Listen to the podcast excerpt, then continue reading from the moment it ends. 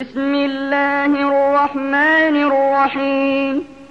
هل أتاك حديث الغاشية؟ وجوه يومئذ خاشعة عاملة ناصبة تصلى نارا حامية تسقى من عين آنية ليس لهم طعام إلا من ضريع. لا يسمن ولا يغني من جوع. وجوه يومئذ ناعمة لسعيها راضية في جنة عالية. لا تسمع فيها لاغية فيها عين جارية فيها سرر مرفوعة وأكواب موضوعة. ونمارق مصفوفة وزرابي مبثوثة అనంత కరుణామయుడు అపార కృపాశీలుడు అయిన అల్లాహ్ పేరుతో ప్రారంభిస్తున్నాను ముంచుకు వచ్చే ముప్పును గురించిన సమాచారం నీకేమైనా అందిందా కొందరి ముఖాలలో ఆ రోజున భయాందోళనలు కనిపిస్తాయి ఎక్కువ శ్రమ పడుతూ అలసిపోతారు తీవ్రమైన అగ్నిలో చిక్కుకుపోయి ఉంటారు. త్రాగేందుకు వారికి సలసల కాగే చలవ నీరు ఇవ్వబడుతుంది. వారి కొరకు ఎండిన ముళ్ళ గడ్డి తప్ప మరొక ఆహారం ఉండదు.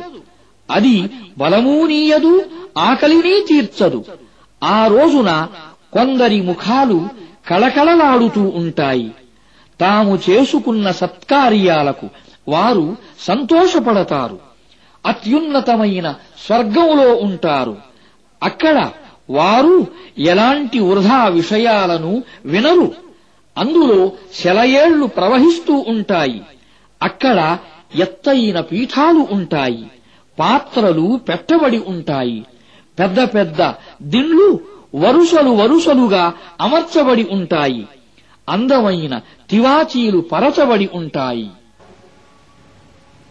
أفلا ينظرون إلى الإبل كيف خلقت وإلى السماء كيف رفعت وإلى الجبال كيف نصبت وإلى الأرض كيف سطحت అయితే వీరు ఒంటెలను చూడరా అవి ఎలా సృష్టించబడ్డాయో ఆకాశాన్ని చూడరా అది పైకి ఎలా ఎత్తబడిందో కొండలను చూడరా అవి ఎలా పాతిపెట్టబడ్డాయో భూమిని చూడరా అది ఎలా పరచబడిందో فذكر إنما أنت مذكر لست عليهم بمسيطر إلا من تولى وكفر فيعذبه الله العذاب الأكبر إن إلينا إيابهم